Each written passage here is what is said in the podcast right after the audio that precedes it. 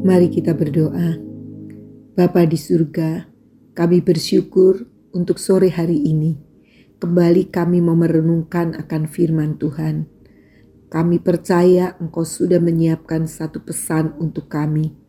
Biarlah hati kami boleh terbuka bagi setiap apa yang Engkau mau sampaikan.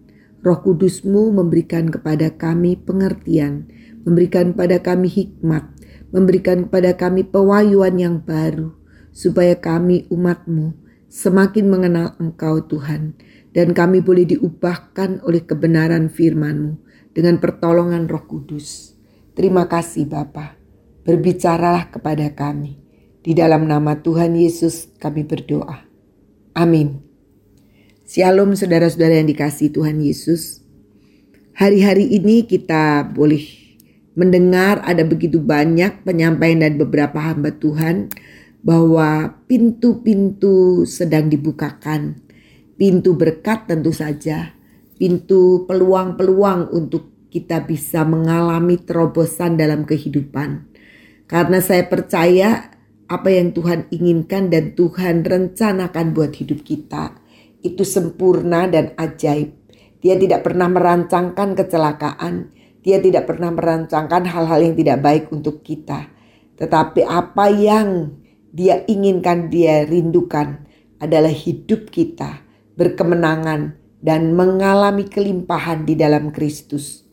Saya ingin kita akan mengajak, kita akan belajar untuk kita boleh mempersiapkan diri lewat semua yang Tuhan inginkan, meresponi dengan satu karakter yang kuat karena sering kali kita tidak sadar bahwa kendala daripada semua janji Tuhan tergenapi adalah karena kita tidak memiliki karakter yang kuat yang siap untuk terima semua yang Tuhan sediakan melewati sebuah proses-proses kehidupan. Itu yang kita tidak suka. Karena proses itu biasanya eh, hal-hal yang kurang kita senangi. Nah, mari kita belajar bagaimana kita membangun karakter yang kuat. Saya ingin kita sama-sama membaca dari 1 Korintus ayatnya yang 1 Korintus 10 ayat pertama sampai dengan yang kelima. Judul perikopnya adalah Israel sebagai suatu peringatan. Aku mau supaya kamu mengetahui saudara-saudara bahwa nenek moyang kita semua berada di bawah perlindungan awan dan bahwa mereka semua telah melintasi laut. Untuk menjadi pengikut Musa, mereka semua telah dibaptis dalam awan dan dalam laut. Mereka semua makan makanan rohani yang sama, dan mereka semua minum minuman rohani yang sama, sebab mereka minum dari batu karang rohani yang mengikuti mereka, dan batu karang itu ialah Kristus. Tetapi sungguh, sungguh pun demikian, Allah tidak berkenan kepada bagian yang terbesar dari mereka karena mereka ditewaskan di padang gurun. Nah, kalau kita melihat perjalanan daripada bangsa Israel itu, mereka dikatakan bahwa makan makanan rohani yang sama. Mereka sama-sama mengalami hal yang tidak berbeda satu dengan yang lain. Namun demikian, tidak semua mereka itu akhirnya masuk ke tanah perjanjian hanya dua orang yaitu Kaleb dan Yosua yang keluar dari tanah Mesir dan kemudian masuk ke tanah Kanaan. Kenapa demikian? Sering kali kita tahu dan kita dengar bahwa bangsa Israel disebutkan oleh Alkitab sebagai bangsa yang tegar tengkuk.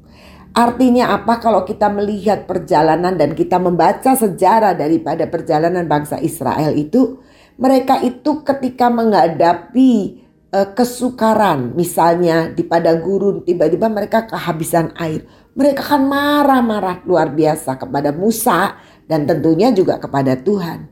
Memangnya tidak ada kuburan di Mesir sehingga kita dibawa ke padang gurun ini. Contohnya seperti itu. Tetapi kemudian ketika mujizat terjadi dan air itu keluar, mereka akan bersuka cita dan mereka akan senang-senang sekali. Ketika mereka makan mana setiap hari, mereka bosen, kepengen makan daging. Mereka marah-marah. Di Mesir itu enak, ada makanan ini, ini, ini, ini. Di sini kita tuh makanan membosankan seperti ini. Kita perlu daging. Mereka marah-marah. Tapi kemudian ketika Tuhan menyatakan mujizatnya dengan banyak burung puyuh datang, mereka sukacita dan senang-senang. Itu pertanda mereka adalah bangsa yang tegar tengkuk.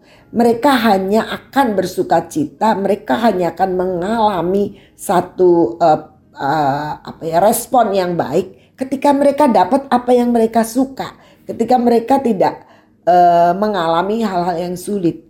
Tapi ketika kesukaran itu terjadi maka mereka akan marah-marah.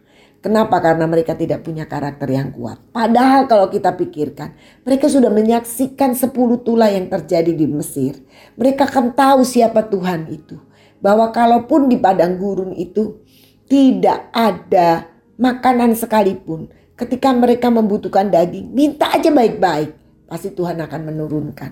Atau tidak ada air, mereka udah melihat bahwa bagi Tuhan tidak ada yang mustahil. Karena Tuhan sudah melakukan begitu banyak tulah-tulah yang membuktikan kebesaran dan kuasa Tuhan yang luar biasa. Dan bahkan yang terakhir mereka itu dikejar oleh Firaun ketika mereka sedang menyeberangi laut Teberau. Tapi Tuhan membuat cara sedemikian sampai mereka tidak terkejar. Secara logika dan perhitungan pasti mereka akan terkejar, mereka akan terbunuh. Tetapi dengan kuasa Tuhan yang luar biasa, Tuhan membuat sedemikian rupa sehingga tentara Firaun itu tidak bisa mengejar uh, barisan daripada orang-orang Israel dan pada akhirnya malah mereka terbunuh semua di tengah laut itu. Bukankah itu sebenarnya sudah membuktikan kuasa Tuhan yang luar biasa dan tidak perlu diragukan? Namun demikian tetap saja bangsa Israel ini selalu ngomel-ngomel. Kenapa? Ya karena mereka itu tidak punya karakter yang kuat. Apa sih sebenarnya yang di, e, disebut sebagai karakter yang kuat itu? Karakter yang kuat itu kita bisa lihat sebenarnya di dalam Galatia 5 ayat 22.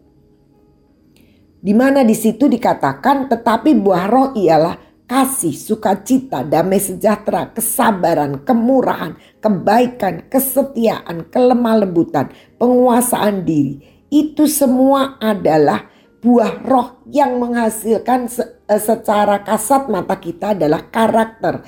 Kalau mereka orang yang memiliki kasih, maka kita lihat karakternya adalah karakter kasih itu yang terrealisasi dalam mereka menghadapi sesama maupun kepada Tuhan. Kalau mereka memiliki karakter sukacita, maka hidupnya itu tidak penuh dengan keluhan, tapi penuh dengan sukacita. Menghadapi apa pun mereka akan tahu ada kesabaran yang keluar, ada damai sejahtera yang keluar dan sebagainya. Itu menunjukkan sifat-sifat ilahi yang ada yaitu karakter Kristus di dalam diri kita. Nah, itu perlu sekali untuk kita miliki karena apa? Ketika kita memiliki karakter yang kuat, maka menghadapi apa pun juga kita tidak akan berdosa, kita tidak akan menyalahkan Tuhan. Kita tetap dengan karakter itu kita menikmati dan mengalami akan semua yang Tuhan sediakan. Ketika kita kembali lagi kepada cerita tadi bahwa Israel itu menjadi peringatan. Sebenarnya kenapa? Mereka menghadapi hal yang sama semua. Mereka mendapatkan makanan yang sama, mereka mendapatkan perlakuan yang sama, mereka melihat dan menyaksikan keajaiban yang sama, tetapi mereka punya respon yang berbeda. Kalau kita lihat Pernah ada 12 ketika mereka sudah sampai di depan tanah perjanjian, Musa mengutus 12 pengintai untuk melihat tanah perjanjian itu. Ketika mereka pulang, yang 10 ini melihat semua yang jelek. Kenapa? Karena mereka tidak memiliki karakter yang kuat. Mereka tidak memiliki kesetiaan terhadap janji Tuhan. Mereka tidak bisa menangkap dengan uh, semua yang Tuhan kerjakan. Sehingga yang dilihat itu yang jelek-jelek, yang menakutkan, yang uh, yang sebenarnya tidak aslinya seperti itu yang Tuhan mau. Tetapi ada dua orang yaitu Joshua dan Kaleb. Mereka punya karakter yang kuat. Mereka ngerti memang yang dihadapi itu seperti raksasa, tetapi mereka tahu ada sesuatu kekuatan, kesabaran, kesetiaan terhadap janji Tuhan dan penguasaan diri. Mereka nggak marah, mereka hanya percaya kepada Tuhan karena mereka memiliki karakter yang kuat, karakter yang tidak ngomel-ngomel, tetapi dia bisa melihat dengan kacamata Kristus sendiri bagaimana Tuhan itu bisa melakukan segala perkara sekalipun musuhnya itu uh, sangat mengerikan dan menakutkan. Kenapa? Karena Yosua dan Kaleb sudah mengalami sepuluh tulah tulah dalam hidupnya. Bahkan keajaiban dalam perjalanan-perjalanan yang sudah mereka lewati. Dan mereka punya kesabaran, mereka punya kebaikan, mereka punya kesetiaan, mereka punya kelemah lembutan. Artinya kelemah lembutan itu hati yang mudah dibentuk oleh Tuhan. Dan mereka sangat mengerti bagaimana mereka bisa menguasai diri. Walaupun yang dihadapi itu memang benar. Mereka tidak me, apa tidak artinya tidak menolak akan eh, pendapat daripada sepuluh pengintai. Tetapi mereka meneruskan bahwa Walaupun begitu tapi Tuhan ada di pihak kita. Jadi ayo kita pasti menang. Kita pasti mengalahkan. Kenapa? Karena mereka tetap percaya dengan janji Tuhan. Ada hati yang setia, hati yang penuh dengan sukacita bersama dengan Tuhan. Dan yang pasti mereka mengasihi Tuhan. Allah yang memanggil orang Israel keluar dari tanah Mesir masuk ke tanah perjanjian. Saudara-saudara yang dikasih oleh Tuhan Yesus, saya ingin mengajak untuk kita belajar dari satu tokoh yang sebenarnya juga kita sudah sering uh, sering sekali mendengar cerita ini, tapi kita melihat dari satu sisi yang lain, yaitu Maria, Maria ibu Yesus ini. Ketika itu di dalam Lukas 2 ayat 6 dan 7 saya akan bacakan dikatakan demikian ketika mereka di situ tibalah waktunya bagi Maria untuk bersalin dan ia melahirkan seorang anak laki-laki, anaknya yang sulung, lalu dibungkusnya dengan lampin dan dibaringkannya di dalam palungan karena tidak ada tempat bagi mereka di rumah penginapan. Maria satu hari kedatangan malaikat Gabriel yang menyampaikan sebuah berita yang sebenarnya sangat mengejutkan buat hidupnya. Saya percaya Maria tidak pernah bermimpi bahkan tidak pernah terpikir bahwa tiba-tiba berita dari surga mengatakan bahwa dia akan mengandung dan melahirkan seorang anak laki-laki. Padahal dia belum menikah dan dia katakan saya belum bersuami. Tapi malaikat itu mengatakan satu berita bahwa memang kamu belum bersuami dan kehamilanmu adalah pekerjaan Roh Kudus dan siapa yang dikandung yang dikandung adalah juru selamat dunia yang nanti harus diberi nama Yesus. Satu berita yang mengejutkan tapi sekaligus satu berita yang ajaib sekali. Dan Maria, wanita yang dipilih Tuhan ini adalah wanita yang hebat dan luar biasa. Aku ini hamba Tuhan, jadilah padaku seperti perkataanmu itu, katanya. Walaupun saya tahu ketika Maria menjawab itu, Maria itu tidak sedang mengerti sebenarnya, tetapi hanya karena dia memiliki sebuah karakter yang kuat, yaitu karakter kesetiaan kepada Tuhan, penguasaan diri yang luar biasa, sehingga dia tidak menolak itu. Kadang-kadang orang tidak memiliki penguasaan diri, sehingga terlalu cepat untuk berbicara sebelum mengerti. Nah, demikian eh, tidak demikian dengan Maria. Maria ini walaupun saya percaya dia sebenarnya tidak mengerti. Aneh sekali ini berita belum pernah ada yang terjadi di dunia dan memang belum dan memang ada satu-satunya yaitu yang uh, dialami oleh Maria ini. Nah, tentu saja pada waktu Maria terima dan kemudian dia menjalani kehidupan sampai kemudian perutnya bertambah besar dan dia tahu pasti memang ada bayi di dalam rahimnya. Kemudian ada berita bahwa mereka itu harus mengalami sebuah sensus dan kembali ke desa masing-masing. Dan pada waktu itu Yusuf dan Maria itu memang asalnya dari Bethlehem. Maka mereka kembali di situ. Pasti di dalam benak Maria dan juga di dalam benak kita kalau kita ada dalam zaman itu.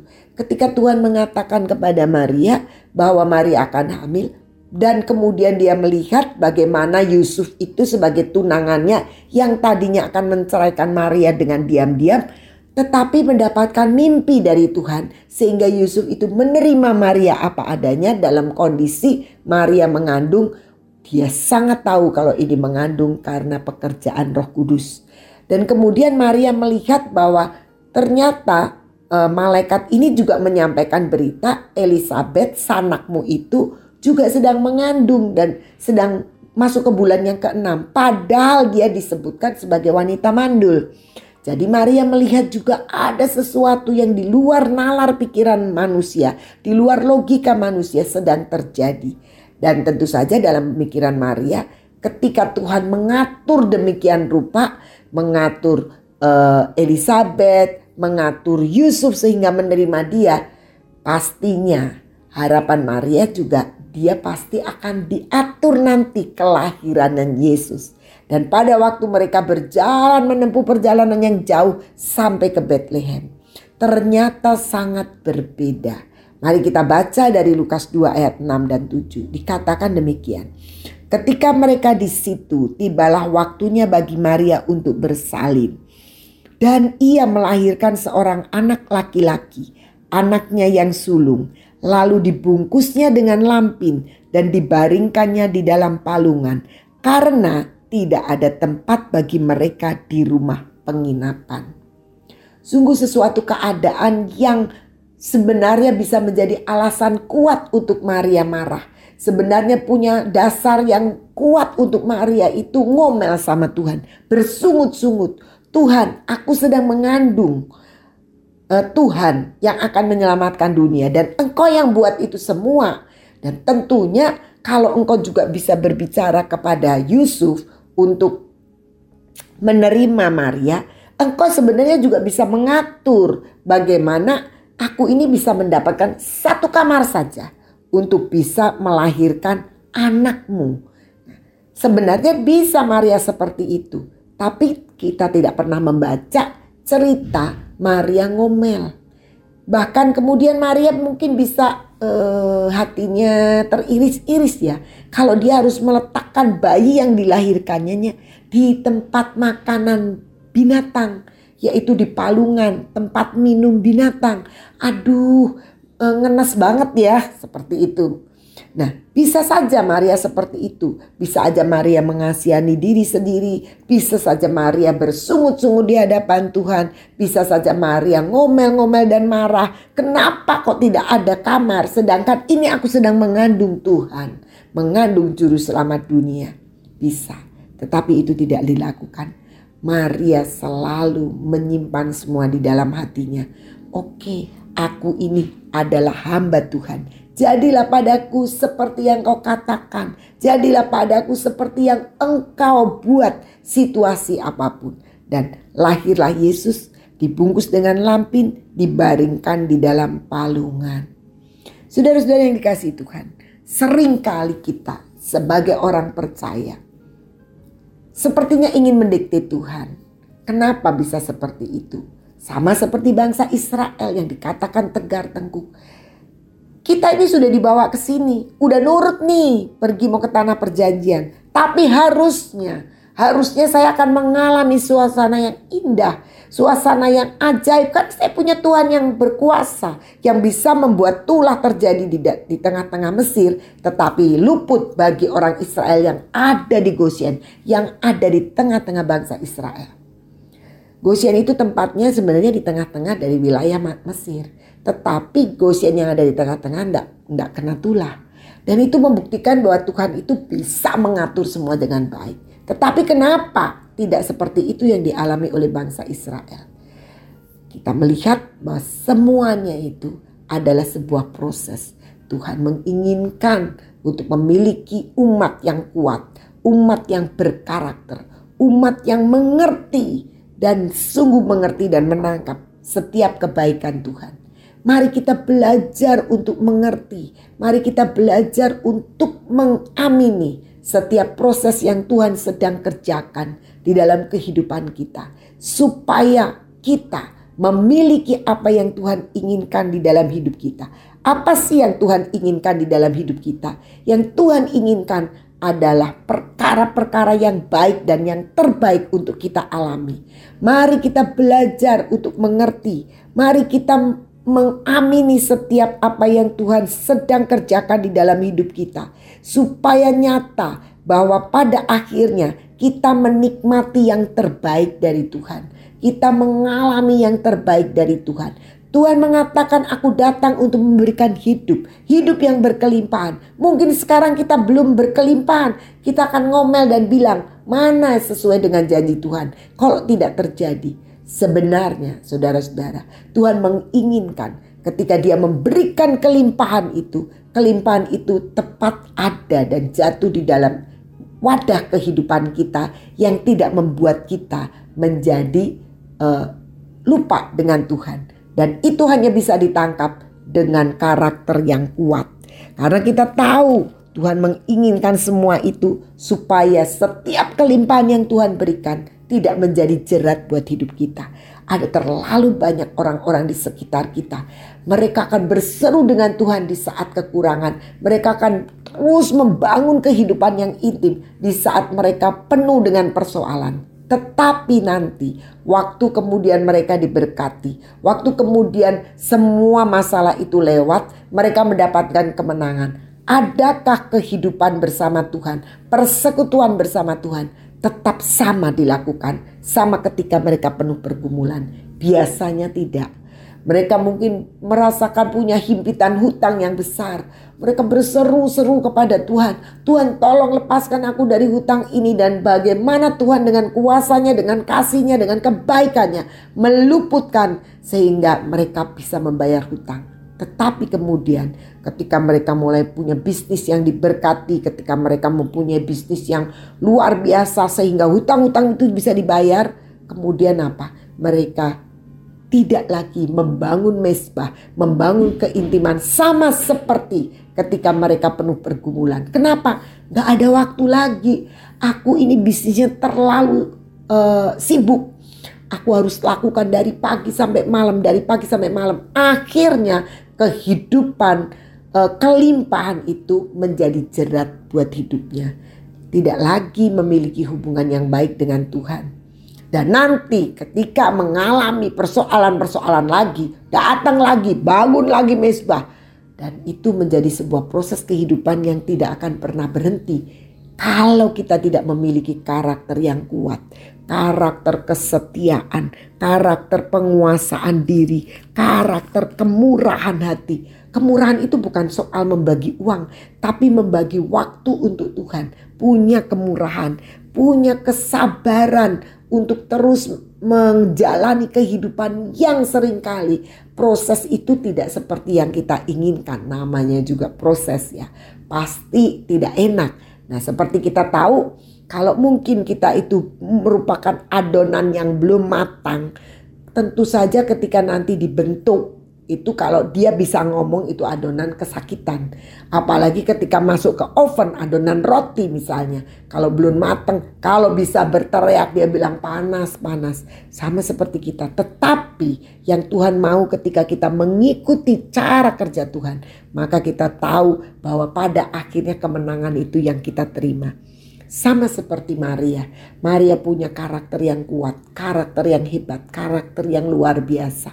Ketika dia harus uh, mendapat penolakan dari peng, satu penginapan ke penginapan yang lain, Maria dan Yusuf sama-sama tidak mengomel. Mereka hanya cari tempat sampai akhirnya ada yang meminjamkan kandang binatang. Gak bilang begini, hina banget ya kita melahirkan di kandang. Terlalu itu pemilik penginapan. Masa kasih kandang? Mungkin kita yang tidak punya karakter yang baik dan kuat kita akan bilang seperti itu. Tapi tidak. Yusuf dan Maria menerima itu dan memang melahirkan anak itu di kandang. Nah, mari kita belajar. Kok Tuhan tega sekali ya? Sebenarnya ini merupakan sebuah gambaran bagaimana Tuhan hadir dan kehadiran Tuhan itu benar-benar ingin memberikan uh, pengertian bahwa yang paling hina pun berharga di depan Tuhan. Kandang pun Tuhan mau sediakan. Dia benar-benar mau merendahkan diri, bahkan lahir di kandang binatang. Nah, mari saudara-saudara kita belajar ini. Mari kita bangun kehidupan karakter yang kuat untuk terima apa yang besar dari Tuhan. Bagaimana kita membangun karakter, melatih diri untuk selalu minta Roh Kudus, kita bersekutu dengan Roh Kudus, maka Roh Kudus akan menghasilkan buah roh dalam hidup kita. Sehingga itu akan membentuk karakter-karakter Kristus yang ada pada kita. Kita menjadi orang yang penuh dengan kasih, hidup kita penuh dengan damai sejahtera. Apa pun yang saat ini kita hadapi, berita-berita di media sosial yang sering kali menakutkan itu tidak menghilangkan damai sejahtera Kristus. Kok bisa? Saya itu nggak bisa. Mungkin kita akan bilang begitu. Saya sudah pengen ini damai-damai tapi nggak bisa. Sekali lagi, damai sejahtera itu buah roh. Karena itu satu-satunya jalan adalah ketika kita bersekutu senantiasa dengan Roh Kudus.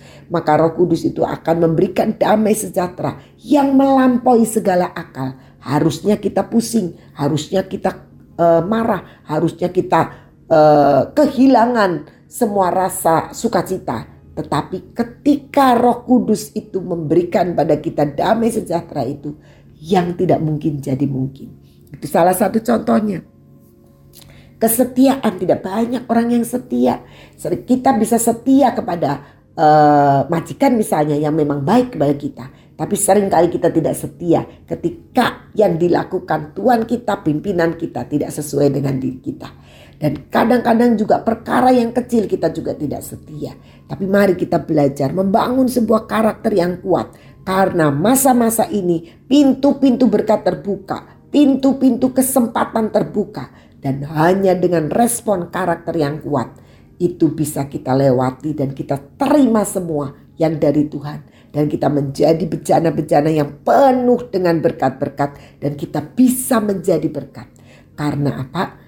Ingat, deklarasi yang diajarkan pada kita hari-hari ini memasuki tahun uh, yang baru ini, tahun baru Israel ini dikatakan bahwa Tuhan aku mau menjadi orang yang setia dan dapat dipercaya dan aku akan menjadi berkat bagi banyak orang. Bukankah itu yang Tuhan inginkan? Karena setiap berkat, setiap kelimpahan, setiap ke uh, semua yang baik yang Tuhan mau curahkan dalam hidup kita itu untuk dipakai memuliakan nama Tuhan dengan membagi kepada banyak orang menjadi berkat bagi banyak orang. Mari saudara-saudara yang dikasih Tuhan Yesus, kita terus bangun karakter yang kuat. Bukan dengan kekuatan kita sendiri. Hanya dengan persekutuan kita dengan roh kudus. Maka buah roh itu akan menjadi realisasi daripada seluruh karakter kita. Tuhan Yesus memberkati.